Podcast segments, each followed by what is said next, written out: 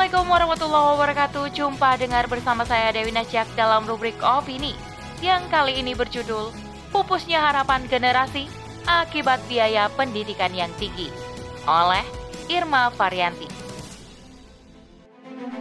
Dari sinilah masalah bermula karena PTN berbadan hukum akhirnya terdorong untuk mencari tambahan dana dari pihak swasta guna membangun infrastruktur kampus dan menjalankan berbagai aktivitasnya. PTNBH pun harus mau dimasuki para korporasi. Terjalinlah kerjasama bisnis seperti mendirikan SPBU, mall, restoran, jasa penyewaan gedung, dan lain sebagainya.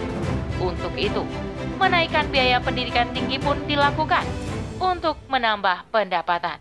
Selengkapnya, tetap di podcast Narasi Pos Media. Narasi Pos, cerdas dalam literasi media, bijak menangkap peristiwa kunci. Yusuf Macan Effendi selaku Wakil Ketua Komisi 10 DPR RI menyatakan pandangannya dalam menyikapi tingginya biaya kuliah di tanah air.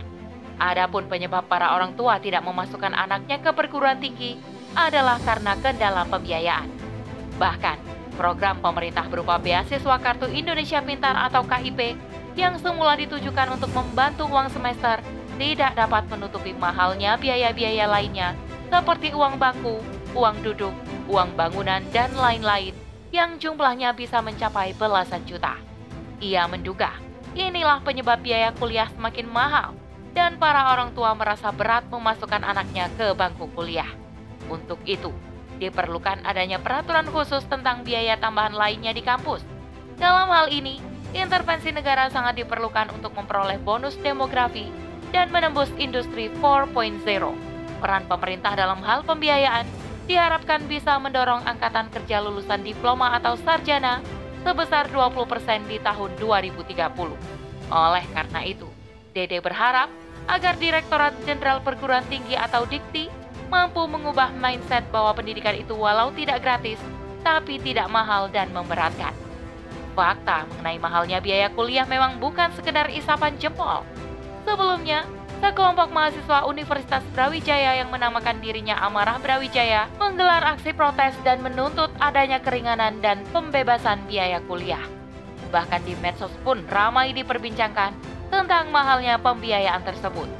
Salah satu akun di Twitter menggugah foto persyaratan jaminan kemampuan keuangan atau JKK bagi calon mahasiswa yang hendak bersekolah di Institut Teknologi Bandung atau ITB. Di mana pada ketentuan tersebut, orang tua atau wali harus mencantumkan rekeningnya dengan jumlah nominal sebesar 100 juta rupiah. Namun, di balik berbagai kontra, selalu ada sikap pro kebijakan Inalim selaku konsultan pendidikan memandang bahwa tingginya biaya masuk jalur seleksi dikarenakan beberapa universitas negeri dituntut untuk berbadan hukum agar dapat menerima dana dari masyarakat dan mampu mengembangkan bidang-bidang strategis. Perguruan Tinggi Negeri atau PTN Indonesia di tahun 2000, beberapa di antaranya telah berbentuk badan hukum milik negara atau BHMN, seperti UI, UGM, IPB, dan ITB, di mana lembaga pendidikan tersebut memiliki otonomi penuh dalam mengelola anggaran rumah tangganya. BHMN sempat berganti menjadi Badan Hukum Pendidikan Pemerintah karena mendapat protes berubah menjadi PT yang diselenggarakan oleh pemerintah. Status ini pun pada akhirnya diubah kembali menjadi PT Negeri Berbadan Hukum yang ujung-ujungnya menuai kritik akibat adanya pengurangan subsidi dari pemerintah. Dari sinilah masalah bermula. Karena PTN berbadan hukum akhirnya terdorong untuk mencari tambahan dana dari pihak swasta guna membangun infrastruktur kampus dan menjalankan berbagai aktivitasnya. PTNBH pun harus mau dimasuki para korporasi. Terjalinlah kerjasama bisnis seperti mendirikan SPBU, mall, restoran, jasa penyewaan gedung, dan lain sebagainya. Untuk itu, menaikkan biaya pendidikan tinggi pun dilakukan untuk menambah pendapatan. Buntut dari semua itu tentu berdampak pada generasi penerus yang harus menghapus cita-citanya mengenyam pendidikan lebih tinggi. Padahal, mereka adalah aset berharga yang bisa memajukan negeri. Pendidikan merupakan salah satu kebutuhan mendasar, namun sayangnya kini berubah menjadi lahan bisnis para korporasi dan berorientasi pada keuntungan semata. Demikianlah, ketika liberalisasi telah mendominasi dunia pendidikan, penguasa seolah berlepas tangan dalam mengayomi urusan rakyat dan mendudukkan diri hanya sebagai regulator dan mengalihkan perannya pada pihak swasta. Demi terwujudnya pendidikan bertaraf internasional, diseretlah aspek ini dalam lingkaran bisnis para korporasi. Inilah fakta dunia pendidikan dalam pengayoman sistem kapitalis. Alih-alih memajukan, justru membuatnya terpuruk dalam kemunduran. Kapitalisme menjadikan negara hanya sebagai pembuat kebijakan, dan korporasilah yang berwenang menyelenggarakan pelayanan. Sebagaimana prinsip Barat, bahwa tidak ada makan siang yang gratis, no freelance, maka semua pasti akan diperhitungkan secara materi dan disesuaikan dengan kepentingan para pemilik modal. Demikian juga dalam masalah biaya pendidikan, tentu akan dipertimbangkan masalah untung dan rugi. Lain halnya dengan Islam, sistem ini menjadikan pendidikan sebagai kebutuhan mendasar. Negara sebagai penyelenggara pendidikan dituntut untuk melaksanakan sesuai dengan ketentuan syariat.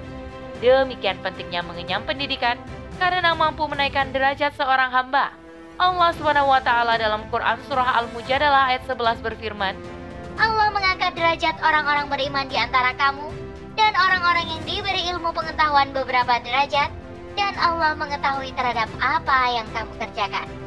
Sistem pendidikan juga mampu mewujudkan visi politik negara, menstimulasi inovasi, mengembangkan ilmu pengetahuan dan teknologi.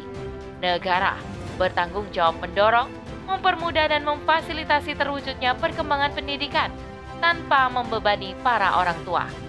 Adapun pembiayaan diambil dari kas baitul mal, dari pay, korot, dan kepemilikan umum. Jika masih belum mencukupi, maka akan ditarik sumbangan berupa pajak dari kaum muslim yang kaya. Dan jika hal itu masih belum mencukupi, maka pembiayaan dibebankan pada seluruh kaum muslim. Penguasa tidak diperkenankan mengalihkan tanggung jawabnya kepada korporasi karena hal tersebut merupakan bentuk pengkhianatan terhadap amanah yang diembannya. Melalui penerapan sistem ekonomi Islam, negara sangat berkemampuan menyelenggarakan pendidikan murah bahkan gratis. Oleh karenanya, berharap pengayoman yang bisa menyejahterakan dan penuh keadilan pada sistem kapitalis tak ubahnya seperti pungguk merindukan bulan. Hanya dengan diterapkannya Islam, dalam sebuah institusi pemerintahan, segala permasalahan akan tertangani dan menjadi solusi bagi seluruh permasalahan kehidupan. Wallahu a'lam bisawab. Demikian rubrik opini kali ini. Sampai bertemu di rubrik opini selanjutnya. Saya Dewi Nasyak pamit undur diri. Assalamualaikum warahmatullahi wabarakatuh.